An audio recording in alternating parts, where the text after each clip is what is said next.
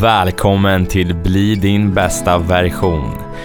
Mitt namn är Kim Schultz. Jag är en livsstilsentreprenör med ett stort brinnande intresse för sport och hälsa. Varje vecka kommer jag att ge er inspirerande personer eller meddelande för att låsa upp er inre bästa version. Nu kör vi!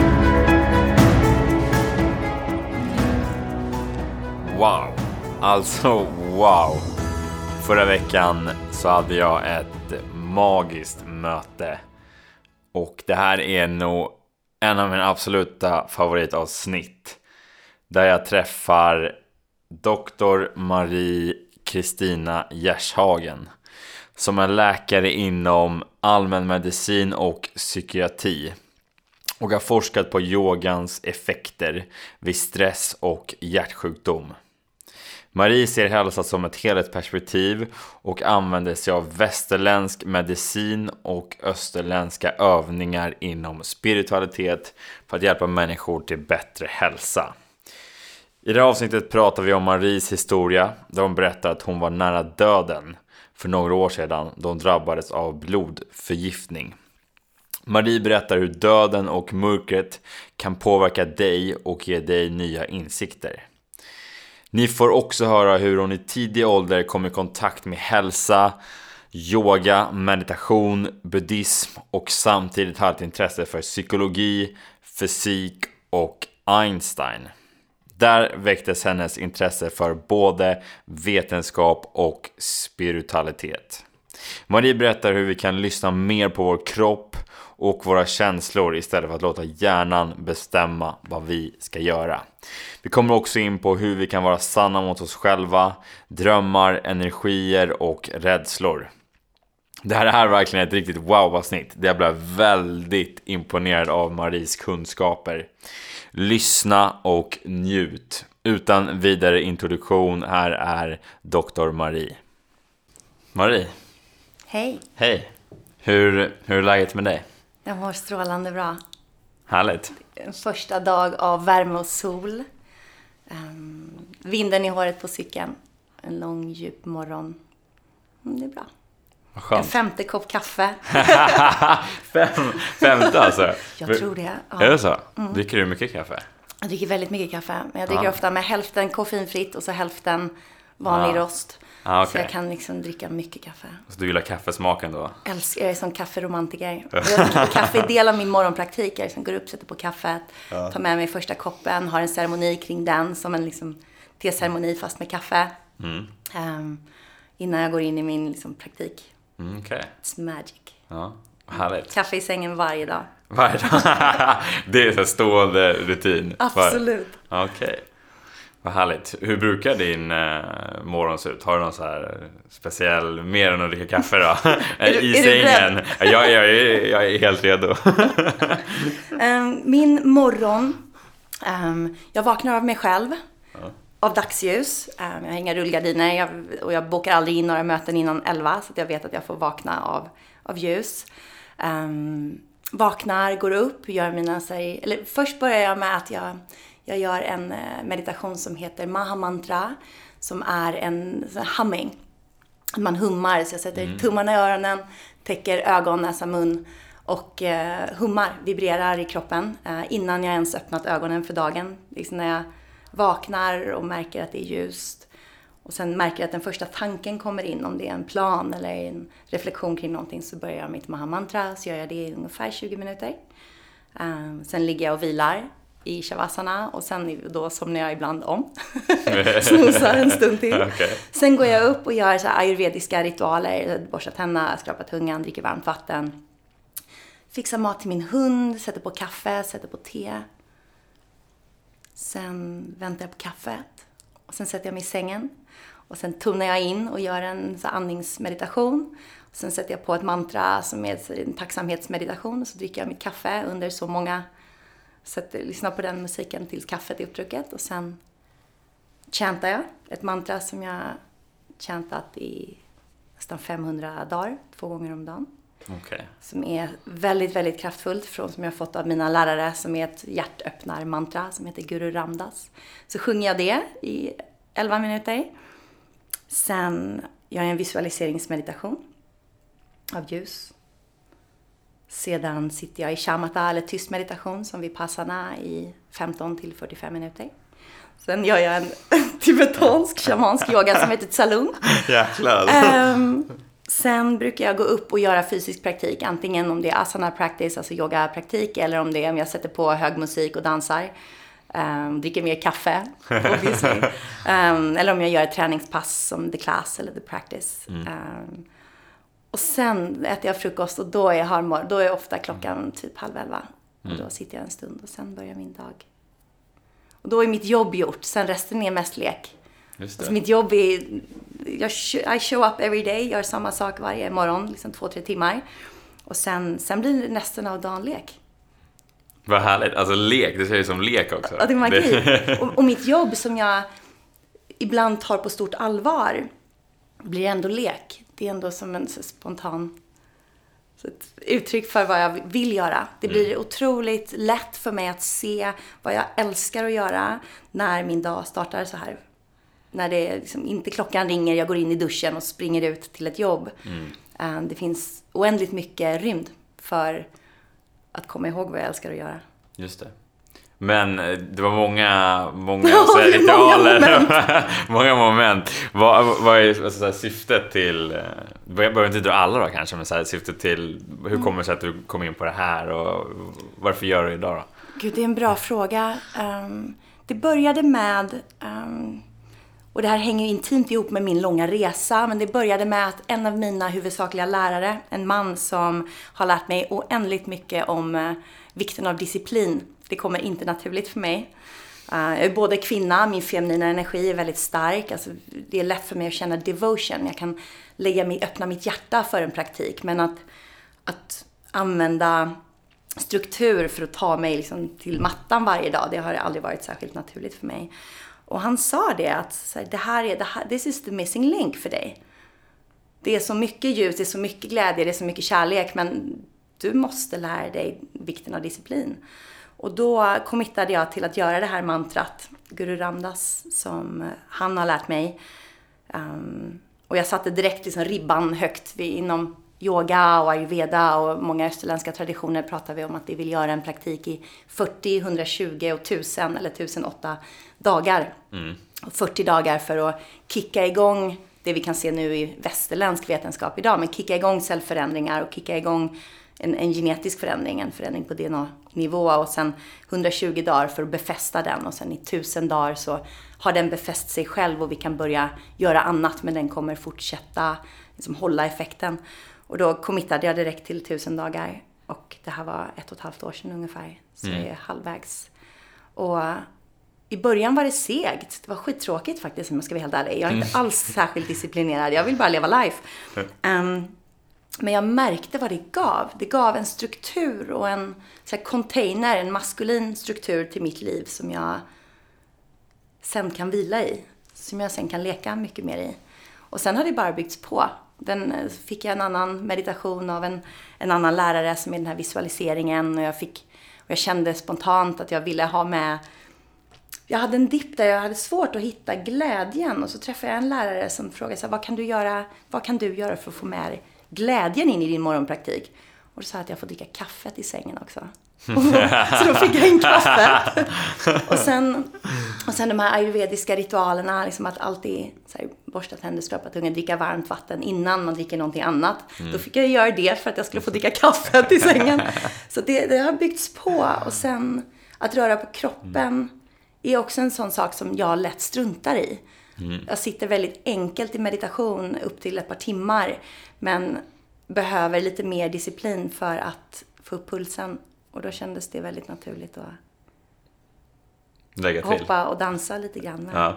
Du dansade lite innan du kom hit? Absolut. Ja. du skrev till dig, jag behöver några minuter till, vi ska ta en dans. Så du har på högsta volym och hoppar runt i en yes. speciell dans? Eller? Och idag var det en låt som heter One Touch som är på en Spotify-playlist som heter Girls Night tror jag. så det var kaftanen på, barfota. Ja. Feel the rhythm. Exakt. Ja. Gud vad, vad härligt tänker jag. Alltså att kunna dra för gardinerna då också eller så här, Nej, dålig insyn där. jag har inte så mycket insyn. Tror Nej, okay. jag. Alla tror du? Nej. Ja. Det känns inte så. ja, för jag har massa insyn. Det går en gångväg utanför mig. Jag tänker det skulle vara, det kanske skulle vara lite kul. Så här, men jag Bjussigt. titta in och bara, oh, gud vad händer här inne? Så här, Exakt. kanske bara Be an så- inspiration. strunta i vad folk eh, tänker. Den är för ganska bra. Och eh, bara, bara vara och göra sin grej utan att tänka på vad, vad omgivningen Mm. tänker och tycker. 100 procent. Ehm, ja, är, är, det någonting som du har, är det någonting som du brottas med? En del av mig vill säga, spontant vill jag säga, inte längre. Men i ärlighet så självklart finns det fortfarande element där jag, där jag, kan bli, där jag blir ännu mer sann hela tiden. Och för mig handlar det mer om att skala av än att lägga till. Alltså att lägga till och göra saker. För jag gör väldigt mycket som jag älskar. Jag gör väldigt lite som jag inte eh, älskar eller som jag inte känner är sant för mig. Eller liksom är alignment med vem jag är. Men Eh, absolut kommer det situationer hela tiden där jag känner i kroppen. För min kropp signalerar direkt till mig om jag, om jag wobblar. Liksom, om jag inte är helt med ehm, i allt. Och då... eh, ja, men jag tror också det, det kommer med, med praktiken faktiskt. Sen jag började ta min practice på mer allvar än vad jag tar resten av livet och inklusive mig själv. ehm, så blir det på något sätt mer och mer självklart. Det blir nästan som att alltså det är väldigt enkelt att se när det vad som behöver falla bort. Vad som inte känns sant längre. För det förändras ju hela tiden. Men många av oss bygger kanske upp en dröm när vi är väldigt unga eller har en idé som färgas av kultur och det sociala och familjen och våra egna drömmar och visioner när vi är små. Att det här är min, det här är min högsta väg. Liksom. Det här är det största jag kan bli för mig själv. Och så håller vi ögonen lite blint på det. Sätter på oss blinders, såna här, vad heter det, såna här hästar har, skygglappar. Eh, I form av, det kan ju vara allt från att man vill vara en viss person i ett gäng. Och det gänget har känt en i 20 år. Och det blir väldigt obekvämt om man börjar förändras. Allting, allting rubbas då. Um, jag tror att egentligen är det ett av de största commitment vi har som människor. Att våga fortsätta förfina ehm, den högsta vägen. Och förfina renheten i att kanske inte behöva vara någon särskild. Inte behöva vara på ett särskilt sätt för att, för att vara okej. Mm. Att, vi, att det räcker med att show up. Behöver inte show up as someone special. Liksom, behöver inte show up genom att vara den här personen i gänget som kanske är den som håller låda eller den som är tyst och snäll eller den som alltid håller space för andra eller så. Utan att vi ögonblick för ögonblick kan låta stunden fråga oss hur vi bäst kan show up. Mm. Och vara av service. Just det. Någonstans bara vara utan att behöva tänka så mycket på hur jag beter mig eller är. Eller nu, ska jag, nu är jag den här gruppen och då beter jag mig på ett annorlunda sätt någonstans. För att så här, då förväntas jag vara den roliga killen kanske. Eh, ja, jag, för, jag förstår vad du menar. Den, den, är, den, är, den är svår dock. Den är, den är väldigt svår och uh, jag tror man, man, är, man är lite olika i olika sammanhang tänker jag. Alltså, så här, Och jag- men det kan ju också vara att sammanhanget ber en spontant om Ja. att vara på ett sätt som är helt naturligt. Det som är krig, alltså, trixigt, särskilt i vår kultur, den västerländska kulturen tänker jag på då främst, är att vi är så otroligt kognitivt styrda. Vi älskar att identifiera oss med våra tankar. Eh, Många av oss tror fortfarande att vi är våra tankar. Alltså att de tankarna som kommer är, är den högsta nivån av sanning. Ehm, och då kan det absolut bli kruxigt att, att leva rent eller att, att bara vara det som stunden behöver av en. mm, verkligen. Och att våga, och våga ha kul. Alltså också sätta på något sätt, sätta ramen för ens eget liv. Att det ska vara en njutbar upplevelse. För så långt är det inte. Nej, det är ju otroligt viktigt att man, eh, att man alltså njuter av det. Att man, in, Mm. man, man plisar andra för att man säger okej, men nu ska jag vara så här. Nu förväntas jag vara väldigt seriös i olika typer av liksom, sammanhang. Och det Absolut. kan ju bli så jäkla... Ja, man njuter inte. Man njuter inte. Det Nej. blir inte så mycket lek. Nej, Och njutning kan ju också vara att gå in i mörker. Njutning kan ju också vara att våga titta på rädslor, våga vara i smärta, våga utsätta sig för det som, som gör en rädd. Våga välja mod när det är väldigt skönt att välja eh, komfort eller trygghet. Eh, och det är inget fel på trygghet, men det finns en falsk trygghet som vi skulle kunna kalla säkerhet, som är det här att det jag har nu, det är, det är mer bekvämt än att våga öppna upp för vad som skulle kunna vara om jag inte håller kvar. Mm. Um, och jag tror det nog har varit min, en av mina stora resor egentligen, att, att inte hålla så hårt. Eh, inte hålla så hårt i idéer om vem jag behöver vara, men inte heller hålla så hårt om um, hur livet ska yttra sig, vad jag ska göra, vad jag ska ha. We're human beings. Liksom. Men i vår, vår kultur är det lätt att inte bara ens vara human doing, mm. utan human having. We're mm. doing to acquire, oavsett om det är att vi gör någonting för att få en titel på CV eller en promotion eller um, att kunna köpa det här huset eller kunna, oavsett vad det är, att kunna ha, att bygga liksom en identitet av saker som alla faktiskt försvinner den dag vi dör. Mm. Ja, egentligen lånar vi bara saker tänker jag. Alltså, mm. det och det kan vara kul mm. och det mm. kan vara supernjutbart. Men låt oss, låt oss se det för vad det är. Mm. Att det är någonting vi har till låns. Och när vi ser det så, så kan det också vara lättare att vara generös. Och då börjar vi liksom tappa in i ett helt annat sätt att leva. Istället för att hårda själv. Att låta saker röra sig igenom. Och det här är ju allt från faktiska saker, men också upplevelser eller um, ja, bara det här.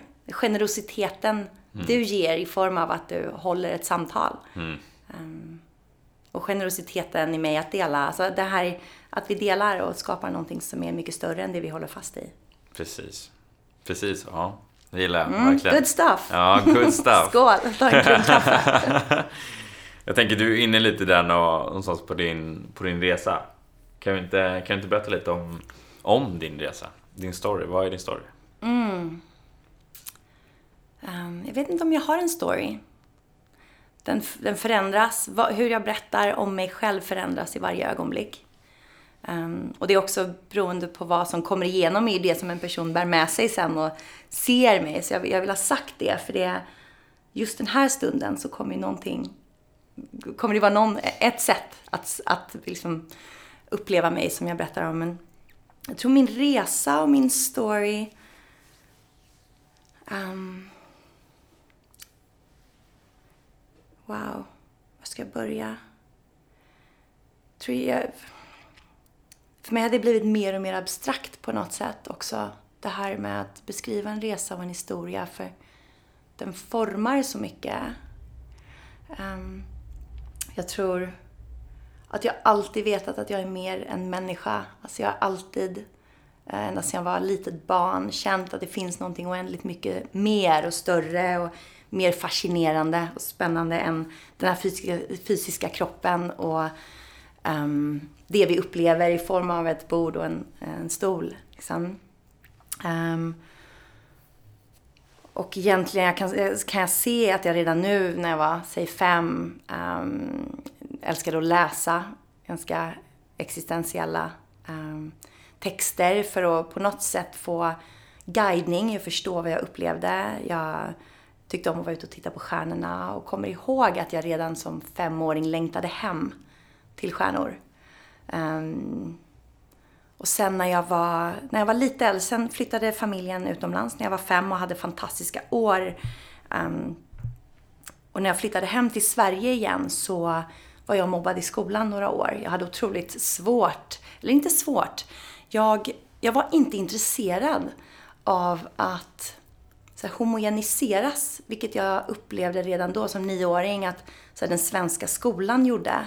Jag var väldigt pluggigt barn. Jag älskade att liksom lära mig nya språk och matte och sådär redan då som åttaåring. Och jag, jag var rätt nördig. Jag hade mycket kompisar när jag var utomlands men så här, blev väldigt tydligt nördig när jag kom hem. Och var inte sugen på att vara sådär tuff. Och min bästis hade en ny bästis och jag kommer ihåg så väl hur mina fröknar ville att jag skulle hitta nya bästisar och jag sa bara att jag behöver inte, jag behöver inte det. Jag vill ha en bok och så sätter jag mig och funderar på livet. Um, och genom det, men också, det var också tunga år, det, det är en, en mjuk version, men det var också väldigt tuffa år där jag började gå igenom depressioner redan vid nio års ålder. Hade vinterdepressioner varje år, um, men också väldigt mycket utmaningar av ensamhet. Liksom. Och eh, redan där väcktes eh, en enorm nyfikenhet på så här, ett mänskligt liv.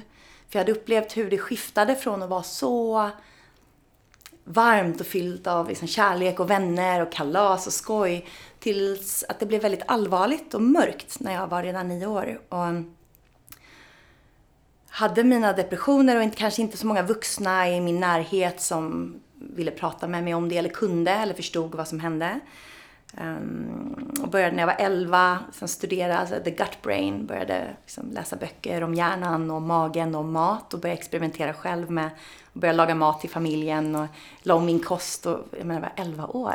Shit, ja, det var tidigt. Det var jättetidigt, ja. men jag, jag, kände redan då att det, det är någonting här, det är någonting som är och jag visste redan då att när jag blir vuxen så kommer jag förstå. Jag hade den insikten då att jag kommer förstå varför jag går igenom det här när jag är barn. Um, jag var rätt vuxen som barn. Um, ja, det måste du verkligen vara, tänker jag. Alltså redan så tidig ja. ålder och förstå att men jag kommer, ja. det finns någonting här. Det finns någonting här. Och jag var också väldigt, jag var väldigt äventyrlig, väldigt nyfiken, väldigt modig. Mod är nog den egenskapen som beskriver, fortfarande beskriver mig bäst. Um, jag kommer ihåg jag åkte till USA en sommar när jag var 12 kanske. Sa jag till mina föräldrar att jag ville Göteborg är för litet för mig. jag drar till ehm, Staterna. jag drar till Staterna. Så jag fick kontakt med en så här värdfamilj.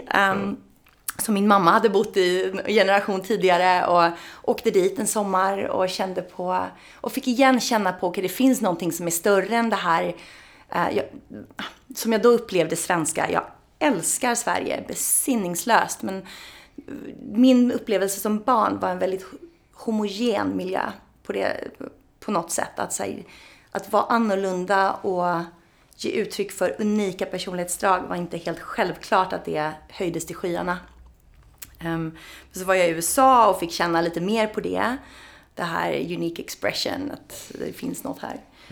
Um, och sen dess så sen kom jag hem därifrån och så började väl livet återgå på något sätt till um, ja, en längtan att bli klar med skolan så jag fick komma ut och dela mitt ljus och göra det jag ville. Liksom.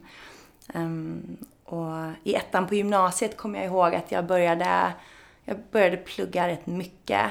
Um, till liksom tre, fyra på morgonen och så skulle jag upp igen vid sex och sådär. Um, det gjorde jag egentligen faktiskt från åttan när jag tittar lite ärligt på mig själv. Men då började det bli mer belastande så då um, började jag utforska yoga och meditation. Och hade en sån här fantastisk timing där jag hade en gymnasielärare i religion som på samma gång gick igenom buddhism som min fysiklärare gick igenom Einstein och relativitetsteorier och EMC2 och tid-rumkurvatur och svarta hål och någonting. Allt det här hände på samma gång för mig. Och jag hade liksom pluggat psykologi vid sidan om sen jag var ja, men i mitten av tonåren någon gång. Och det var någonting som började på riktigt tändas då. Okej, okay, matematik och jag pluggade musik och var väldigt intresserad av färger. Och är fortfarande det, jobbar mycket med färger. Eh, jag skrev ett, liksom, ett, någonting om det när jag var 14, hur färgpsykologi, varför vi blir på ett visst sätt av rött och gult och grönt och sådär. Och hade ännu en ganska stark awakening när jag var 16. Um, ehm, där jag på allvar, eller vad man ska säga, så tog till mig, verkligen tog till hjärtat buddhistiska teachings och um, börja utforska världen på ett, på ett nytt sätt och med nya ögon. Och sen har mitt liv egentligen rört sig... Det har dansat väldigt mycket mellan det här och jag också har levt ett väldigt mycket så här, ett, ett liv i, i svängen och som student och efter och älskar och uppskattar väldigt mycket vinmiddagar med vänner och sådär. Men det finns ett ankare som hela tiden um, drar hem mig till den här upplevelsen som är större än kroppen och tankarna och känslorna och, som alltid har varit med på något sätt. Så där och, där, där och då, då kom ditt intresse för hälsa också någonstans, tänker jag. Precis, och för mig ligger de så otroligt nära varandra. Så allting jag gör och hur jag ser på världen är liksom science and soul, alltså hälsa och spiritualitet. Och och hur allting är som del av en mänsklig upplevelse och hur vi ser det med olika ögon och vi kan träna vår blick och träna, träna oss med olika glasögon och se, um, se samma, samma sak men, men med olika synsätt och olika, um, med olika upplevelser. Mm. Och det är det jag tycker är så häftigt med oss människor, att vi kan vara i ett rum och uppleva ett rum och ha så enormt unika upplevelser av det rummet. Mm. att två personer går aldrig ifrån ett rum med samma känsla, samma intryck, samma minnen. Um, att vi också liksom tränar vårt nervsystem och vår perception, vad vi, vad vi minns, vad vi tar in, vad vi projicerar tillbaka ut. Mm. Um, det är häftigt tycker jag. Det där är jävligt häftigt. Alltså, att man någonstans kan ha så olika upplevelser från en, från en och samma egentligen upplevelse fast man tolkar det på annorlunda sätt. Hur, hur kom det här, hur, hur, hur är det idag då? Alltså hur tänker du kring, kring det idag? Hur jag tänker kring vilket då? Ja men kring, kring det, alltså som du, som du berättade om precis. Ja men så här att ta in ett rum helt annorlunda. Vad, vad är dina liksom, tankar kring det? Jag tror att vi alla som barn är födda känsliga. Mm. Jag tror att vi alla som barn är födda väldigt öppna för att känna energier. Oavsett om vi vill liksom spirituellt kalla det att se en aura eller om vi bara vill vara uppmärksamma på att det kommer in någon i rummet och den personen har en stark utstrålning, alla lägger märke till det. Det kommer in en annan person i rummet, den personen suger på något sätt musten ur rummet. Mm. Um, jag tror att vi som barn alla är öppna för att uppleva det väldigt direkt i kroppen. Um, och min känsla för det, mer än min, mina tankar kring det. För mitt liksom, cognitive mind kan ju hitta på massa strategier eller massa idéer om vad det är för någonting. Men min direkta upplevelse av det är att det sitter i kroppen. Att vår kropp är en så enormt intelligent organism som är otroligt känslig, som har en enorm fingertoppskänsla och som vi i vår kultur särskilt lär oss kanske att trumfa med vårt intellekt. Alltså att vårt, vi låter vårt intellekt komma med svaren när vi hade kunnat ställa frågan till kroppen. Mm. Uh, och där barn genom att tillåtas att faktiskt uppleva stunden. Ett barn som är ledset gråter, ett barn som är argt blir argt. Men vid en viss ålder så lär vi oss att ett socialt spel fungerar bättre för att få kärlek eller uppmärksamhet. Eller oavsett vad det är vi längtar efter som barn. Uh, vilket boils down to kärlek. Mm. Liksom. Och acceptans och gemenskap och få vara med och bli um, vara inkluderade. Att vi, att vi faktiskt börjar stänga ner kroppen Ehm, och lyssnar mer till tankar, uh, intellektualiserar, gör vårt logiska mind till någon slags uh, supercomputer som kommer med de klokaste, smartaste lösningarna. Medan den djupa visdomen bor i kroppen. Uh, och om vi börjar träna oss tillbaka, och det låter ju väldigt domedagsaktigt att, att börja där, men det fina i det är att vi kan träna tillbaka vår känslighet. Och i vår tid har vi börjat prata mycket om så HSP, alltså högkänslig personlighetstyp och sådär. Att faktiskt se den här superpowern som vi alla är födda med, uh, i min övertygelse. Mm. Um, sen kan vissa vara mer öppna än andra och vissa stängs inte ner så mycket för att de är i miljöer där det inte stänger. Men att vi verkligen reclaimar vår känslighet, att vår känslighet är det häftigaste vi har. Och när vi kan uppleva livet direkt, inte genom ett filter av vårt mind. För igen, vårt mind bär på vår historia, vårt mind bär på minnen, på känslor kopplade till någonting vi varit med om innan. Um, och det här är ju egentligen the big growing up as a spiritual human being. Att börja ta ansvar för att se att okej, okay, den här personen som jag säger gjorde mig arg har egentligen triggat igång någonting som jag har blivit arg för förr och ännu tidigare och ännu tidigare. Och ofta hittar vi någonting väldigt tidigt där vi första gången upplevde ett utanförskap eller liksom någonting som satte sig i kroppen. Att det hög, liksom, hjärtat stängde till lite grann. Och sen skyddar vi den delen av oss själva. Och sen går vi ett helt vuxet liv och skyddar våra hjärtan. För vi är så livrädda att när vi öppnar så kan det komma någon och trigga och störa och göra oss illa. Och när vi skyddar mer och mer, den här, det är som att en lärare sa en sån fantastisk liknelse. Det är som att få en tagg i armen. Och istället för att gå mot taggen och faktiskt göra jobbet att dra ut taggen oavsett hur ont det gör. Är det som att vi börjar liksom lägga bomull runt taggen och sen kanske sätta ett stort bandage och sen be alla hålla sig lite långt bort från armen. Mm. Och sen lever vi liksom ett helt liv i någon slags bubbla av att skydda oss själva. Istället för att uppleva livet väldigt direkt i kroppen. För kroppen har så mycket intelligens och så många svar. Um, Wow. Alltså, wow, wow jävla svar. Helt blown away. Uh, shit. Hur, hur kan vi träna kroppen på det då? Hur kan vi, eller hur kan vi träna oss själva kanske jag ska säga? Hur kan man landa någonstans i att lyssna på kroppen istället för den här hjärnan så att säga? Jag älskar att du ställer frågan och jag tror att det finns lika många vägar dit som det finns människor och livsupplevelser. Um, det finns ett par saker. Börja med low hanging fruit. Börja med det som känns tillgängligt. Oavsett om det är att börja bli mer medveten och närvarande i relationer och när jag blir triggad. Alltså titta på att våga uppleva att nu blir jag triggad och börja där. Um, eller om det är att börja meditera, eller om det är att börja gå ut i skogen, vara i naturen, vara vid havet. Vara i en miljö som, som i sig är läkande och som i sig hjälper oss påminna oss själva, undermedvetet, omedvetet eller medvetet, um, om att vi är mer än den här kroppen och att vi är del av ett större samspel liksom, av energi. Um, eller om det är att börja prata med en, en coach, en terapeut, någon som har gjort jobbet eller någon som är riktigt duktig. Och särskilt om man har en väldigt intellektuell, stark intellektuell mind så kan det vara en dörr att börja prata om det och få, få vissa ramar för så här, wow, här finns någon som säger några kloka ord. Mm. Eller så är det att gå rakt in i upplevelsen. Liksom att våga känna det som känns.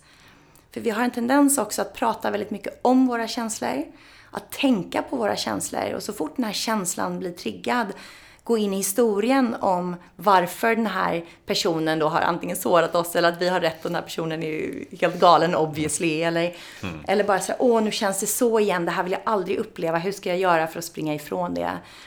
Att faktiskt känna känslan i kroppen. Och det är det enklaste. Om det finns ett svar um, så är det helt klart det. Att att bara sätta en intention om att nästa gång jag känner en känsla så ska jag känna den i kroppen. För känslor, om vi tittar på, liksom, man kan uttrycka det på olika sätt, men känslor är en sån enormt kraftfull rörelseenergi. Titta på det engelska ordet emotions, liksom energy in motion. Mm. Det är bryggan mellan vår fysiska kropp och vårt väldigt flyktiga mind. Liksom där, och mindet rör sig liksom nästan som vind, väldigt fort i olika riktningar. Och, um, och är väldigt subtilt och kroppen är väldigt dens. Om man tittar på en, ett spektrum av densitet, igen om vi kommer tillbaka till så EMC2, att energin i form av massa eller i acceleration, alltså tid och rumskurvatur, där tankar och mind kanske rör sig mer, kreativitet. Um, känslorna är liksom bryggan däremellan. Känslorna, andetaget, um, det vi kan känna som rysningar eller energi som rör sig i kroppen allt som inte är ren sensation är vårt minds sätt att bygga historier kring känslorna. När vi börjar verkligen vara med våra känslor, också som det kan vara del av en meditationspraktik eller bara en, en allmän nyfikenhet att testa, så kommer vi uppleva att det vi kallar negativa känslor och det vi kallar positiva känslor, de känns ofta i kroppen ganska, de ligger rätt nära varandra som smärta och njutning ligger rätt nära varandra om vi skalar av alla stories. Det är som kyla och värme ligger rätt nära varandra. Vi kan ibland inte veta om vi bränner oss eller om det är iskallt innan vi tittar på spisen och tänker mm. att det var varmt eller på isblocket och inser att det var kallt. Um, att sensation i sig är totalt ofarligt. Men vi lever igen och jag, jag är så tacksam för vår kultur, för vi har byggt upp så otroligt mycket med vår kognitiva intelligens, teknologi och sättet vi kommunicerar på idag. Och bara att vi kan sitta så här och kommunicera med världen i en sån gudagåva. Um, vi, och jag kan känna att vi, vi är på väg tillbaka till att se kroppens och hjärtats intelligens och den intelligensen som, som vi alla har tillgång till hela tiden.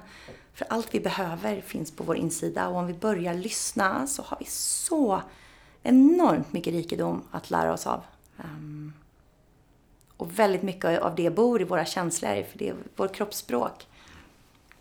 Hur kan man, eh, eller skulle du säga att du har blivit mer i kontakt till dina egna känslor? Um, mitt sätt har varit sorg varje gång. Um, faktiskt upplevelser av livet som har fått mig helt ner på knä. Um, vilket också är varför jag är så enormt tacksam. Jag är så tacksam idag. Jag känner verkligen att jag är en människa som begåvats av att få uppleva lidande.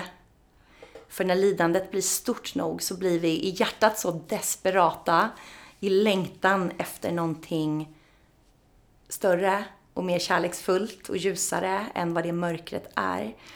Um, och där har jag på något sätt med hjälp av mina lärare utan tvekan vågat gå ner i mörkret. Men det har tagit, det har tagit många år på min resa faktiskt att våga gå in i de djupaste mörkren. Och den resan är aldrig färdig. Vi har ett helt liv att skala av fler och fler lager av oss själva och våga bli mer och mer sårbara med vad vi bär på. Um, och alla våra rädslor, våra rädslor att inte bli accepterade, att inte vara älskade, inte vara inkluderade. Um, jag blir så nyfiken på det också. Vi, innan mm. vi satte igång så började du dela din resa lite grann mm. och den berörde mig så mycket. Och just det här när vi drar oss in i ett skal i oss själva. Um, om du vill dela med dina lyssnare mm. så gör ja. gärna det. Men det här mm. hur vi skyddar oss själva så mm. enormt. Nej men precis, jag berättade lite min story här innan men Marie bara nej nej säg inte men du får ta den när vi spelar in. Uh, men det är klart att jag kan, kan berätta den. Uh, det var ju när jag var runt 15-16 år så fick jag med finnar akne och blev eh, väldigt osäker på mig själv, min självkänsla blev väldigt låg. Jag isolerade mig själv, gick inte till skolan, gick inte till plugget, jag undvek att spela fotboll som jag älskade.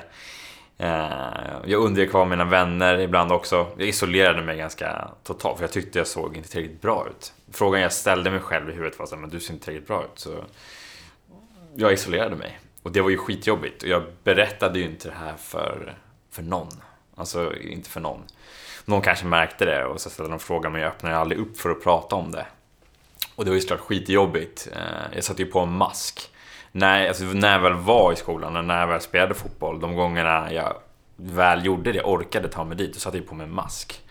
Och var sa, men jag är asglad, det är inga problem, allt är lugnt. Eh, men sen när jag kom hem så var det, då var det skitjobbigt att sitta med dem, de känslorna själv. Alltså det var ju otroligt, otroligt jobbigt. Eh, och fem, sex år satt jag med de här, med de här känslorna. Jag berättade inte för någon under den här tiden. Eh, och jag var ute på krogen också eh, ganska mycket när jag var 18, 18, 19. Och festade. Och det var ju må bra för en stund, för, någon, för att få en bekräftelse för en stund någonstans. Så det var en jäkligt jobbig tid att, att gå igenom. Men jag åkte till Australien och jag satte på min barndomskompis, då var jag 22, 23 någonstans. Eh, och han hade hållit på med meditation och yoga och jag var såhär, vad fan har hänt med min bästa polare? Så här jätteskeptisk. Så vad är det här för någonting? Som flum, flum, flum. Vad är det här? Han bara, men testa. Testa och meditera. Testa och sitta här med mig. Och testade det och där någonstans så märkte jag att det finns någonting bra här och så började jag lyssna inåt. Eh, att börja reflektera, att börja tänka. Eh, och sen händer det någonting när man kommer till en ny miljö, alltså en ny plats. Man tar in nya saker, det händer någonting. Man träffar nya människor. Det händer någonting med mm. allt. Hela, hela kroppen, hela sinnet, allt. Eh, så där någonstans så började jag... Vad hände, vad hände i dig? Det som hände var ju att eh, det hände ju att så här, ja, men känslor började komma upp, tankar började komma upp. Eh, Vilka då?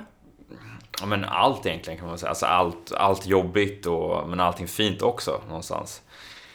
Men det är egentligen som, det som, som ändrade hela situationen var väl att han vågade upp, öppna upp sig. Vi hade ett, ett deep chat en, en kväll. Då han, eh, han vågade berätta om en, så här, han var sårbar att berätta om en sak. Och då vågade jag öppna upp mig. Mm. Och då släpptes den här stenen som bara 5-6 år bara droppades ner och jag var asböla och så här. Åh, oh, gud vad skönt det var. Alltså det var det var typ det bästa, den bästa känslan jag upplevt nästan. Att känna känslan? Ja, exakt. Att what, verkligen så här. Vad är den? Ja, det är okej. Okay. Det är okej okay mm. att så här, det här är jag. Det här har gått igenom någonstans. Vad fint. Eh, och där vändes allt efter det. Eh, där någonstans så kom jag tillbaka till Sverige. Då var ju dock allting som vanligt. Och så här, men hallå. alla människorna är likadana. Det är, alla lever på sitt liv som likadant. Men jag testade meditation på med yoga, sen jag började lyssna på en podd där också. Som heter School of Greatness. Jag blev väldigt inspirerad av, av den. Uh, och så gjorde ganska stora förändringar i mitt liv på ganska kort tid egentligen. Det här var kanske mm. på typ två, två månader bara. Mm, cool. Uh, men ingen, ingen lyssnade på mig när jag kom tillbaka. Men jag har hållit på med de här grejerna, personlig utveckling. Jag har, liksom, jag har tagit mig förbi någon tuff grej. Ingen lyssnade på mig. Och då, då bestämde jag mig för att starta igång den här podden då. Och vad är din dröm med podden? Min dröm är att inspirera människor. Att, eh, att någonstans ta tag, inte ta tag i sitt liv, men att våga göra det de vill göra och våga vara de som de verkligen är. Att mm. leva ut sitt liv till, till sin fulla potential. Det är liksom... Ja, Marie sträckte upp händerna. Ja, det, det, är mitt, det är mitt mål. Att inspirera dem att, mm. Till bättre mående och till att göra saker som de vill göra. Att inte hålla sig tillbaka. Och påbörja den här inre resan som jag tycker är så jäkla viktig. Eh, den tycker jag är jätte, jätteviktig. Så där har vi... Ja. Tack för att du är här och gör det. Tack. För att jag får vara här och möta dig i det. Tack för att du lyssnade. Tack för att jag fick, fick berätta. Mm. Ja, så det är, ja, det är the story, så att säga. Fint. Men eh, om, vi, om vi kommer in lite mer på, på, på dig igen då. Eh, tillbaka till, till din story och så här. Du, du pratar ju mycket om hälsa från ett eh, helhetsperspektiv. Eh, men just vi var inne på känslor också. Vi kommer in tänka lite mer på helhetsperspektiv sen. Men känslor, hur tror du att det, det påverkar oss? då? Oh, igen, det är vår kroppsspråk. Uh, och precis som vi är liksom beings of mind, then we're, we're beings of body. Um, och vårt minds språk är tankar och vår, vår kroppsspråk är känslor. Och för mig är det helt, uh, väldigt, väldigt tydligt att oavsett vem jag har framför mig som som medmänniska eller som klient eller patient att vi är ett djupt närvarande samspel av en fysisk, emotionell, mental, energimässig och spirituell kropp. Vi har alla de här aspekterna och vi alla människor är en, en, liksom en hel organism med flera, flera facetter. Där känslorna utan tvekan är sättet som kroppen eh, kommunicerar i stunden. Och när vi börjar, när vi inte är hundra där med våra känslor så börjar vi lagra dem i kroppen. Och det finns fantastiskt raffinerade gamla österländska och andra liksom system som tittar väldigt djupt på var i kroppen vi ofta lagrar vissa, liksom vilka känslor. Och eh, när jag började arbeta kanske främst som, som underläkare i psykiatri efter min läkarexamen eh, och sen även när jag jobbade på hjärtakuten och med kardiologiska patienter, både akut och kroniskt sjuka hjärtpatienter och forskade med yoga, meditation och sådär och tittade på mönster. Att precis som den österländska medicinen, ayurvedan och den yogiska medicinen och kinesisk medicin är, den är så gammal och så rik på tradition att vi har betraktat människor och sett mönster. Mer än vad vi använt de här moderna raffinerade forskningsmetoderna så är det liksom empirisk forskning. Vi, vi har sett en grupp människor, ser att det finns mönster i den gruppen människor och där i skapar vi ett medicinsystem. Och vår kropp är så, den är så intelligent. Um, Ofta bär vi liksom på, på en viss typ av smärta kring till exempel höfter, ländrygg, bäcken, upp mot njurar som vi kan kalla vårt rotchakra. Vi kan också börja prata om våra binjurar, våra stresshormoner. Det handlar ofta väldigt mycket om stress, utmattning, överlevnad. Um, och när vi liksom börjar gå upp i chakrasystemet, om vi tittar på den energimedicinska liksom det perspektivet på kroppen. Att vi ser att det som, det som lagras i kroppen i, hos kvinnor, livmoder, äggstockar, hos män, liksom hela bäcken, prostata uh, och, och, underliv um, och hela våra egentligen sexualorgan som dessutom är så otroligt tabu i vår värld. Alltså vi, det är liksom inte så, vi blockerar så enormt mycket energi som också mm. är vår livskraft, vår kreativa sensuella energi som när vi blockerar den så sätter det sig inte sällan i liksom smärta eller ömhet eller obalanser i de organen. Um, magen, liksom elden, kraften. Det vet vi när vi blir stressade eller det hugger i magen eller vi får ett besked där vi behöver så här, puff, stålsätta oss lite grann, att det kan hugga till i magen. Um, inflammation och liksom tarm och hur vi bearbetar, hur vi smälter livet, liksom mm. matsmältningen.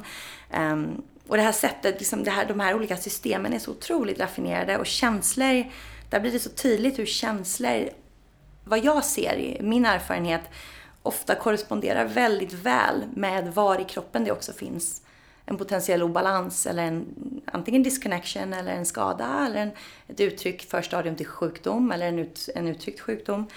Um, känslor är absolut Alltså det är vårt livselixir också. Och när vi kan börja surfa våra känslor istället för att se känslor som någonting som ska dealas med i stunden. Alltså det dyker upp en känsla av, av ilska, oh, den är obekväm. Vad ska jag göra för att slippa ilskan?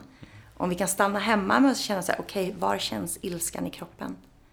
Hur känns det att kännas ilska? Sitter den fast? Rör den sig? Är den, är den varm? Är den kall? Har den en textur? Har den en färg? Har den, har den en personlighet? Och droppar den djupare ner och frågar sig, okej, okay, vad vill du lära mig? Mm. Jag tror att känslorna är våra utan tvekan största lärare. Um, och det är som att vi sitter på en guldgruva också i vår kultur. Alltså ett helt nytt fält av oanade möjligheter att lära känna oss själva och varandra. Och att vara med våra känslor och nyfiket och på riktigt vilja lyssna. Ehm, det är också en sån frigörelse som leder oss till att börja ta ansvar. För vi ser att den här känslan i min kropp har ingenting med personen utanför att göra. Det har ingenting med personen att göra som triggar igång det där minnet från den där andra gången. Utan min känsla är 100% helt och hållet i min kropp. Och det är jag som kan möta känslan. Bara så kan den få rymd, att, att faktiskt som liberate itself. Um, och det är först när vi är med känslorna på riktigt som de börjar släppas fria helt naturligt. Och det tror jag är ett av de största arbetena vi kan göra, både hälsomässigt, spirituellt, som vuxna människor. Um, på ett globalt plan, på ett samhällsplan, om vi tittar på hur politik hade sett ut eller näringslivet hade sett ut om alla vuxna människor får lära sig att ta ansvar för sina känslor och inte någonsin projicera ut ansvaret på andra människor. Då, ja, vi är på väg mot en, en lysande, spännande värld. Mm. Jag tycker det där är just känslor att man inte har eh, pratat så lite om det tidigare tycker jag. Alltså från min uppväxt i alla fall. Då var det väldigt såhär, man pratar inte så mycket känslor, inte hemma, inte i skolan. Det tycker jag borde vara typ ett ämne i skolan. Alltså om jag ska vara så här... 100 procent. Jag hade hur... älskat att utbilda barn i det här. Kanske det vi ska göra. Ja. Um, ja, om det är någon som lyssnar som direkt har någon, kom ut och utbilda barn i känslor. Um, och att vara med känslor, att inte springa från känslor. För det som händer om vi pratar om det här med att leva sina bästa liv, det är att drömmar, våra drömmar och vår dharma eller vårt purpose on earth, liksom varför vi är här, kommer också med en enorm mängd känslor. För att vi är människor, för att vi lever i en fysisk kropp som talar genom känslor. Och ofta så kommer drömmar med både hopp och rädsla. Jag hoppas kunna uttrycka den här stora drömmen i mitt liv. Men jag är enormt rädd för vad händer om jag antingen put myself out there och verkligen visar världen att det här är min största dröm. Det är enormt sårbart. Och rädslan är också att inte lyckas. Och här, och nu är det här verkligen min personliga um, reflektion och, och djup övertygelse. Men jag tror också att våra största rädslor baseras i rädslan att dö utan att ha fått uttryck få, uttrycka våra drömmar. Jag tror att vår västerländska enorma aversion mot döden handlar väldigt mycket om att inte se att vi är här med mening. Och att våga agera i linje med våra drömmar. Och de drömmarna som inte kommer från ett egoiskt plan av att bli någonting, ha någonting, göra någonting. Att bli acknowledged av någon annan, utan det här som verkligen ger glädje. Ofta kan vi titta tillbaka på barndomen, så här, vad gjorde mig riktigt glad som barn? För det är olika för alla. Jag ville aldrig vara med barnen och leka. Jag ville sitta och läsa en bok. Då var jag Ferdinand, lycklig, lukta på blommor, se fåglarna och läsa bok. Det från att jag var tre. Det är liksom, och jag lever så idag. Jag har vältid mycket downtime och läser böcker. Um, men det här, det här stora i rädslan av att dö innan det här vi vet att vi är här för har fått komma till uttryck. tror jag är en stor del av vår, eh, vår, vår del av världens uh, sätt att också inte prata om döden. För döden är en sån enorm portal till livskraft. Den sekunden vi inser att vi ska dö en dag, då får vi också en enorm motivation. Om inte rädslan paralyserar oss, mm. så kan den ge så mycket njutning av det lilla. Och det ser vi också igen och igen, de som är på väg att dö, hur så det lilla spelar roll. En kopp kaffe under trädet, en, en kram av en, en nära vän de små sakerna, att få uppleva utsikten från balkongen en dag till. Liksom. Och uh, tänk om vi kunde leva hela livet så. Ja, verkligen. Har, har du haft någon sån, någon sån upplevelse? Ja, mm. jag har varit över på andra sidan um, en gång. Eller två gånger eh, egentligen. En gång från barndomen, men den kommer jag inte ihåg så väl. Jag var runt 12. Men för eh, tre år sedan så var jag väldigt, väldigt sjuk. I, jag fick eh, blodförgiftning av urosepsis. Jag fick eh, urinvägsinfektion som spred sig till ena njuren där jag har en medfödd så här, förträngning. Så njuren svällde upp och började läcka bakterier ut i blodet. Um, och jag blev väldigt akut sjuk över en natt. Kom in på sjukhus. Eh, antibiotikan bet inte. Um, och liksom kylan och vätskan hjälpte inte så mycket. Eh, bakterierna spred sig till lungorna och de fyllde upp med, med vätska. Och då fick jag dessutom influensan inne på sjukhuset. Och eh, slutade andas och var död i ett ögonblick. Eh, och jag vet inte alls hur länge. Um, men jag har väldigt tydliga, klara uh, minnen. Minnen som är en själs minnen mer än mina Maries minnen. Um, även om jag var medveten om att jag fortfarande var connectad till en kropp som låg på sjukhus. Um, det var en väldigt, väldigt stark upplevelse. den förändrade otroligt mycket för mig. Och den tog tillbaka hela min känslighet från när jag var barn. Alltså att se igen det här se aura eller känna av människors energier blev enormt känsligt igen. Um, men upplevelsen av att dö var utan tvekan det mest kärleksfulla jag upplevt i hela mitt liv. Okej, okay. det, det mest kärlek... Ja, det var en, uh, verkligen en resa in i ljus. Ja. Och jag kommer ihåg att jag låg och kämpade på sjukhusbädden. Väldigt, det gjorde så enormt ont att andas. Um, och jag kunde knappt andas av, av vätskan. Och, så jag kämpade för mitt liv. Och sen när... Och sen plötsligt så släppte det. Plötsligt så fylldes rummet av ljus. Och jag kände hur jag lyftes upp lite ur kroppen. Och jag tittade upp lite grann. Och hur det gick som nästan en atombomb av kärlek från mitt hjärta. Eller från, från det ljus som var kvar av den jag är. Um, och hur jag var så supportad av någon, en, en energi eller en ängel, en person som var med mig um, i rummet. Fast jag var inte i rummet längre, men jag visste mm. att här, en del av mig ligger på ett sjukhus i, i Sverige, på jorden. Uh, en del av mig är redo att släppa taget. Och jag hade ett, ett samtal med den här, uh, kan kalla det ängeln eller jag tror att vårt mänskliga, man skulle kunna använda ängel för det sättet som vi människor ser på kärlek. Som att vi på något sätt så här eller förkroppsligar upplevelsen av kärlek. Så kändes det i alla fall. Um, och uh, fick se hela mitt liv i snapshots, verkligen. Fick se hur varenda gärning jag gjort mot en nyckelpiga, mot en farbror på gatan, mot min syster. Alla de här små ögonblicken där jag gjort en skillnad. Så det fick liksom få en sån exposé som en röd tråd genom livet. Och Tills idag. Um, och sen fick jag välja. Och då uh, ställde jag frågan faktiskt till, till den här energin som var med mig. Um, men är jag verkligen färdig med mitt, mitt uppdrag? Är jag färdig på jorden? Är jag, är jag klar? Och då, i det ögonblicket, så kände jag hur jag fick som en rush av ljus eller kraft eller energi. Um, och hur bandet till det här nya, det här ljuset där, där uppe, där borta eh, klipptes och att jag sögs ner i kroppen igen och, och, skrek till och personen som satt och sov med mig i rummet ringde larmknappen, sköterskorna kom in och jag fick, fick hjälp att börja andas. Shit. Vilken, vilken upplevelse, vilken, vilken grej, alltså wow. Vad, vad hände sen då? När du kommer tillbaka? Vad, Åh oh, gud. det var inte lika kul. Um, då, jag, var, jag var sjuk bra länge.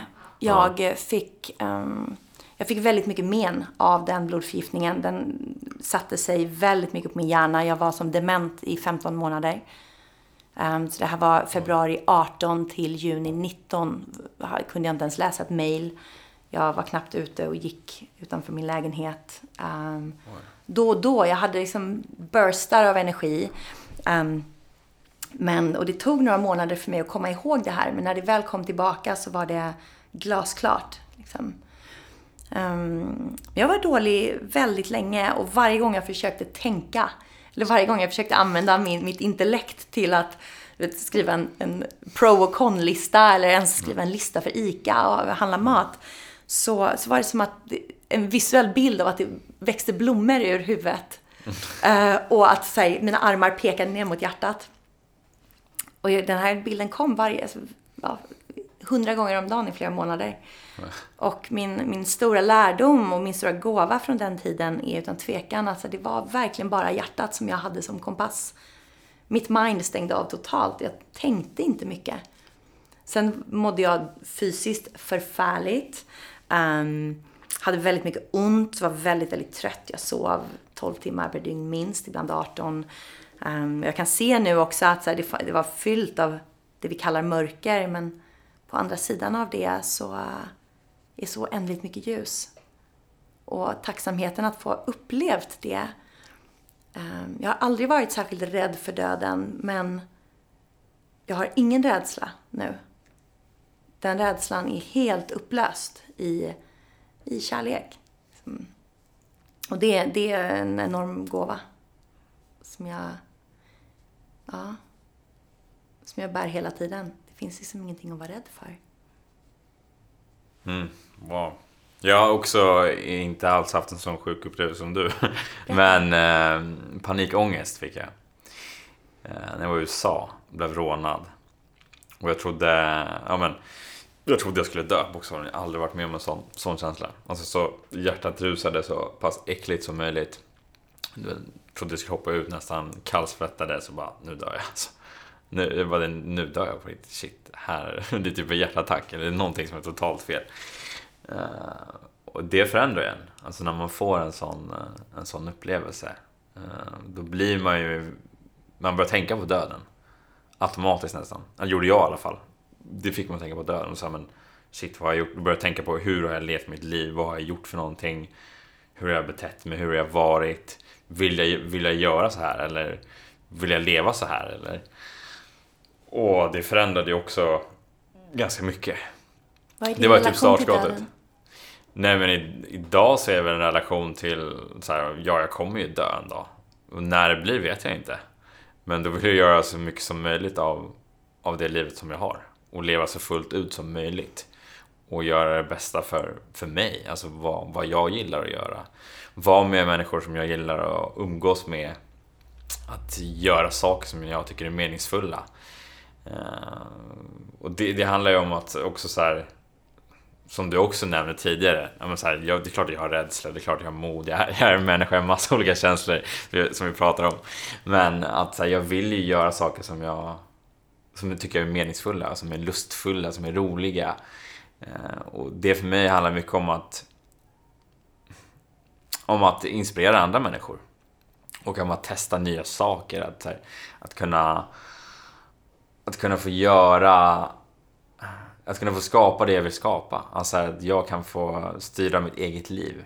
Och att inte ha det traditionella 9 till 8 till 5 jobbet. Att det, jag just nu är jag ganska nystartad egenföretagare. Eh, det är ju såklart en jävla rädsla i det som du sa. Så här, det är ju en dröm för mig att skapa någonting som jag verkligen vill göra. Så här, att hjälpa människor att må bättre. Att må bra inifrån och kunna, och kunna prestera och må bra i sitt liv. Det är någonting som jag verkligen vill göra och verkligen jag börjar göra idag också. Eh, jag coachar en del människor och, och inspirerar via min podd också. Men det är det jag vill verkligen brinner för och vill göra. Och så det, det, är, en jävla, det är en dröm. Men det är också en jävla rädsla som du säger också. Så en rädsla att, att misslyckas finns ju där också. Såklart. Jag skulle ljuga om jag säger någonting annat. Men vi måste ju misslyckas. Det är, det är då man lär sig. Det är också så att vi, att vi tror att vi lär oss någonting genom att inte misslyckas. Ja det, och vad är misslyckande egentligen? Det är så här, vi, vi, upplever att här, det var så men inte riktigt så. Mm. Okej, då testar vi det andra så. Mm. Liksom. Um, ja, fint. Ja, exakt som du säger. Alltså, så här, vad är misslyckande? Det, det är ju en lärdom egentligen bara. Och det är någonstans någonting du måste gå igenom för att, för att komma vidare. Alltså annars vet du ju inte. Du måste ju testa och säga okej, okay, det här funkar, det funkar inte. Eller så här. Exakt. Det, är, det är ju helt omöjligt att veta om du inte gör det. Verkligen. Och jag menar, nu är min personliga övertygelse att allting, allting händer och bär på lärdom. Vi kan säga att allting händer av en anledning, men jag, mitt sätt att, det jag känner inför det är snarare så här, allting bär på potentiell lärdom. Allting bär på någonting som vi kan ta med oss in i nästa. Mm. Uh, och det är så fint med det. Det funkar liksom oavsett om vi quote unquote tror på det eller inte. Mm. Um, men om vi leker med den idén det är som det här talesättet, så att det ena sättet att leva är som att ingenting är ett mirakel och det andra sättet att leva är som att allt är ett mirakel. Och som någon annan klok person, jag kommer inte ihåg vem, också har sagt det här, så här, oavsett om du tror att du kan eller om du inte tror att du kan, så har du rätt. Mm. Alltså, mm. och det, det säger så mycket om så här, vilka... Att de enda begränsningarna vi har egentligen är de som vi sätter upp på oss själva. Mm. Um, och det är klart att det liksom, i vår omgivning kan finnas motstånd eller um, hinder för att det ska gå precis som vi vill. Ofta som vårt mind vill att vi vill. Men om vi på något sätt sätter blicken på vårt större purpose, intentionen bakom att vi, att vi vill att det ska bli på ett visst sätt. Alltså vad är, min, vad är egentligen min stora dröm? Vad är min dharma? Varför är jag på jorden? Vad är mina unika gåvor? Och vad är det jag vill förändra? Mm. Vad är mitt unika ljus? Vad kan jag ge? Och om vi bara är så här, vad kan jag ge? Mm. Så är jag övertygad om att livet kommer show up. Um, om vi stannar kvar i det och låter vår glädje och det här att välja mitt eget personliga bästa liv som en del i hur jag delar med mig glädje på jorden, hur jag inspirerar, hur jag går det här halva steget före så att någon annan också vågar. Eller och vi är alla på jorden med så olika, så olika ljus. Mm. Och alla är lika värdefulla. Alla är så viktiga. Eh, på samma gång som ingen behöver vara så himla speciell. Mm. Vi har en kultur där alla vill bli kända eller influencers. Eller det, det är viktigt att, att liksom födas och dö och ha varit någon. Det är liksom inte så viktigt. Det viktiga är inte vem vi är. Det viktiga är att vi blir oss själva. Och att vi lär känna oss själva på riktigt. Mm. Och det är egentligen det enda vi behöver ta på allvar. Allting annat kan vara lek. ja, där, det där är ju jäklar, ja. Där säger någonting bra alltså. Verkligen. Jag tänker frågor. Vilka, finns det några frågor som du brukar ställa dig själv? Ja, eh, just den frågan, vem är jag? Eh, en fråga som jag ställer mig själv ofta och gärna i meditation. Att jag ställer, antingen ställer frågan Who am I? Jag är anglofil, jag tänker på engelska så det kommer oftast som Who am I? Eller, eller bara som mantrat I am. Um, och verkligen lyssna på vad som kommer upp. Och ibland kommer massa så etiketter först och idéer och drömmar och det som är väldigt mänskligt, det som är den här mänskliga formen. Och sen plötsligt så kommer någonting, en viskning. Um, och de mest sanna svaren upplever jag kommer i stillhet och tystnad. Och när vi skapar öppenhet. Att vi slutar göra, slutar röra på oss och slutar prata. um, och balansen är ju fantastisk att sitta här och dela och talas vid. Det är, det är underbart. Men att verkligen skapa utrymme för tystnad. För själen och kroppen uh, viskar. Själen viskar. Vi behöver bli väldigt tysta för att höra de, de finare lagren av vad som är sant i oss själva. Eh, det är sällan de första tankarna och idéerna är det som bär på mest som djup. Och eh, den frågan uppskattar jag väldigt mycket och den är så evergreen på något sätt. Den, det går att vara ett helt liv med att bara ställa, ställa oss den frågan. Så vem är jag? Mm. Och ett helt liv kan liksom förgyllas av, av svar. Mm. Kring att sitta stilla, som du säger. Hur... Uh... Att komma till stillhet. Mm. Och uh, röra på kroppen, vara stilla i kroppen. Röra på intellektet, vara stilla i intellektet. Som blandning. Um, vi behöver båda två. Mm. Jag tror att i vår kultur, igen, vi behöver liksom inte mer push och fart framåt. Vi behöver inte mer av det som är klassiskt yang, eller det vi kan kalla maskulin energi, solenergi. Vi behöver mer yin, vi behöver inkännande, vi behöver stillhet, mörker. Um, och där är vi inne på det här med känslor igen, att vi vi ofta lever i en jakt på väg bort från de där känslorna som känns mörka. Vi vill inte in i vårt eget mörker. Um, medan utan mörker, det går inte att plantera ett frö i en jord som inte är mörk. Det går inte att sova på natten utan mörker. Alltså, mörker finns i, all, i allt i naturen. Och vi människor um, inser inte alltid att det är en sån enorm potent del av livet att också befinna oss i mörker. För det är där, i, den här, i mörkret, som vi planterar frön av ljus. Det är där de stora idéerna blir till. Det är där vilan och återhämtningen sker, där reflektionen sker. Um, mm. Mm, den är ju intressant. Att bli vän med mörkret. Ja. Det är precis polariteten däremellan man behöver, behöver ha det. För det, det kommer någonting bra ur det. Men det, det, är, det är intressant att tänka det att så här, många vill undvika det.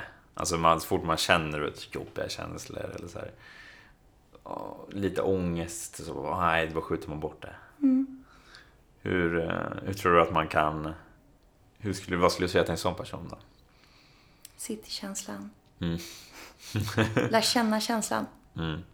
Nyfiket, kärleksfullt, öppet. Lär känna den känslan. Och igen fråga den känslan vad den behöver. Vad den har, vad den kommer med för budskap, vad den vill bli sedd i, bli hörd i. Så vad har den att lära mig? Mm. Vad händer med dig? Du nämnde stillhet, om du ser tillbaka. Vad, vad händer med dig då när, när du hamnar i någon stillhet? Och... Mm. När jag hamnar i stillheten som är bortom mig själv, alltså bortom den här kroppen eller det här Marie, det här intellektet och den här personligheten, tendenserna, preferenserna som är knutna till, till den här. Um, jag får uppleva existensen. Jag får uppleva så nära jag kan komma vem jag verkligen är. Och min känsla för vad, vad det är att vara i kontakt med liksom, själen och världssjälen, den själen som är bortom mig själv. Um, och det är min källa till både njutning, till närvaro, till uh, sanning. Um, det som händer är att saker blir klara där. Det blir tydligt för mig.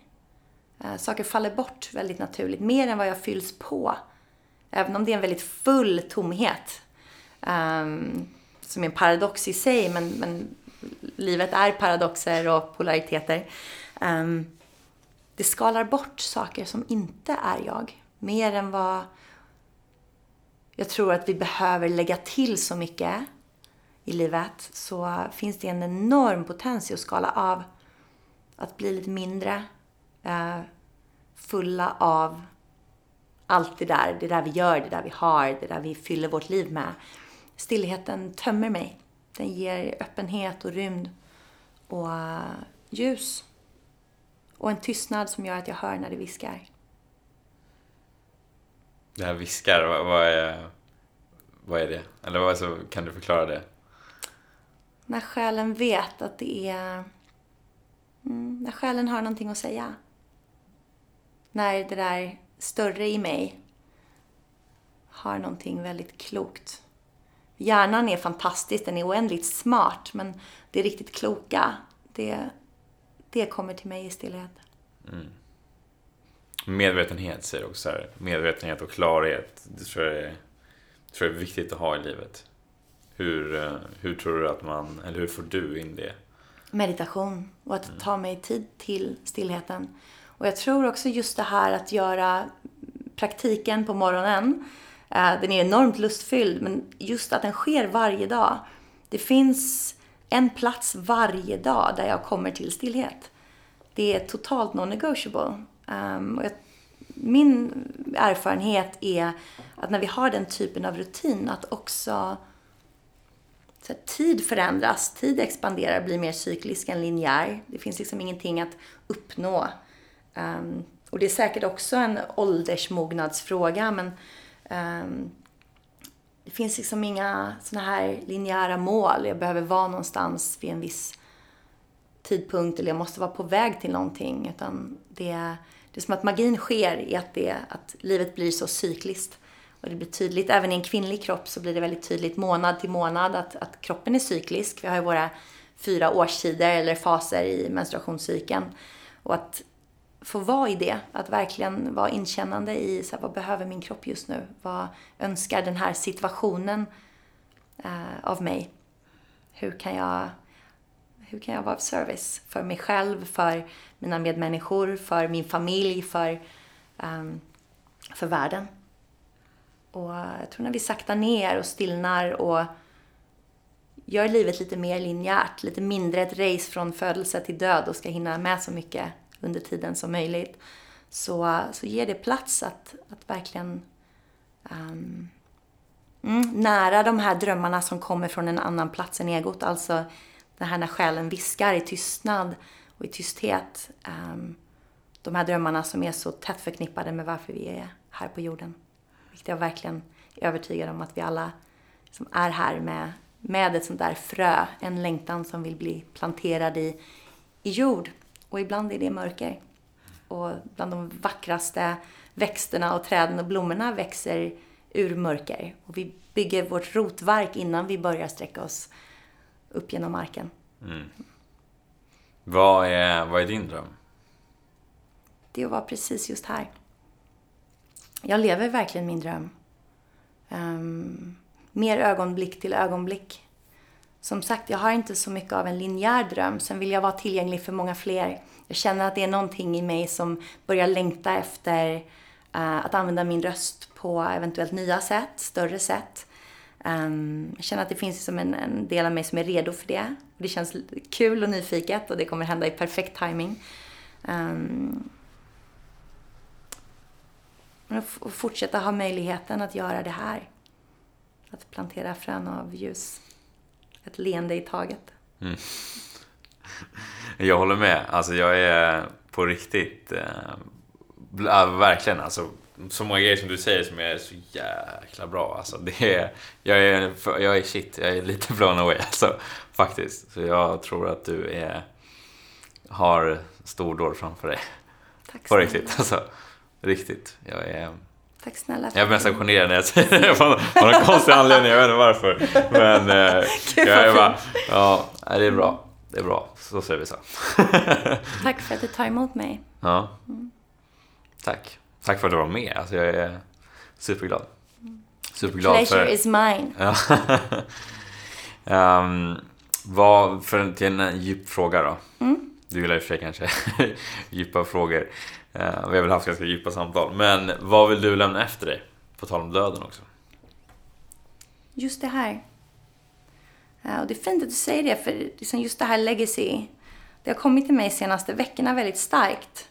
En känsla av, okej, okay, men finns det någonting jag vill här, skapa i den här manifesta världen? Vill jag bygga ett företag? Vill jag ha ett space där folk kan komma? Och så där. Uh, jag vet inte riktigt. Och jag älskar att jag inte vet. Um, det jag vet är att jag vill lämna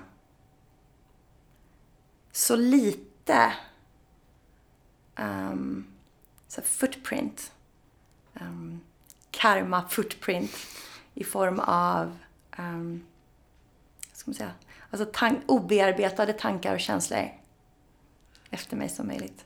Mm. Jag vill göra så mycket, um, skulle kalla, kunna kalla det jobb, men också så service som möjligt i att um, ja, hjälpa oss att vakna.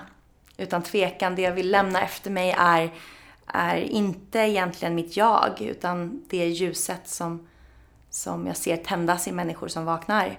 Och om jag får vara med och, i den processen och väcka eh, och vara ett stöd i uppvaknande. Vilket um, jag senast idag hade ett fantastiskt samtal med en, Eh, en kvinna om just där hur att det är mycket som skakas om när vi börjar vakna. Som du också var inne på, det här när vi kommer i kontakt med död eller om det är sorg eller om det är sjukdom, skada, förlust på något sätt och ofta, som ofta är ett liksom awakening för mm. många. Många av oss vaknar ju inte för att vi vaknar en, en, morgon och tycker att livet är rätt gött men ja, det här med spiritualitet kanske vore något. Det, är ganska, det, det kommer ofta från en mycket djupare längtan. Mm. Och att, att få, vara, få vara ett stöd i det Uh, och att bara få fortsätta inspirera och um, mm, ge närvaro och ljus och kärlek och stillhet till de som behöver det för att ja, ingjuta mod i sin egen väg, sin egen dharma. Och att våga lyssna på den där rösten som viskar. Det vill jag gärna lämna efter mig. Men jag känner inte att det, en, det, finns något efter mig riktigt. Jag tror det är därför jag klurar på frågan. Mm. Det är liksom det, det jag kan känna att jag kan bidra med när jag är i den här kroppen, i det här livet. Mm. Mm. Och så jag ha kul. Vad sa du? Och så vill jag ha kul. Och dansa och dricka kaffe. det är bra. det ska vi ha också. Eller du ska du ha. I... Men det har du ju redan. Det finns. Absolut. Det är en daglig, mm. daglig rutin. Mm. Var, varje dag är en ny chans. Verkligen. Um, den bästa stunden någonsin att göra det där, det där vi drömmer om, det är mm. som nu. Precis. Det är nu det gäller, för det är bara nu som finns. Mm. Och sen är det ett nytt nu och sen är det ett nytt nu. Verkligen. Verkligen. Mm. Till, till den sista frågan då. Okay. Hur tror du man lever ett bra liv? Oh. Um, lyssna. Lyssna på när kroppen talar för att lära känna känslor. Lyssna på ditt mind och se att du är mer än tankarna, att det är ett av språken. Och lyssna till när själen viskar. Och gör det du behöver för att komma till platsen i ditt liv där balansen finns för att våga fatta de där stora, pirriga um, besluten. För i friheten som det är att kasta sig ut för stupet ner i den där poolen. Um, can't half jump.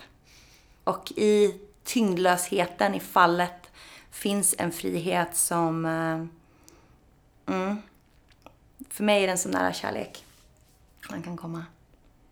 Och på något sätt så är det så mycket i vårt mänskliga liv som längtar efter den här lyckan, längtar efter kärleken och vill hitta den utanför oss själva. Om jag har det här, då, kan jag, då känner jag kärlek. Om jag har det här, då känner jag lycka. Medan att välja frihet och att våga lyssna på de här drömmarna är att välja kärleken och lyckan.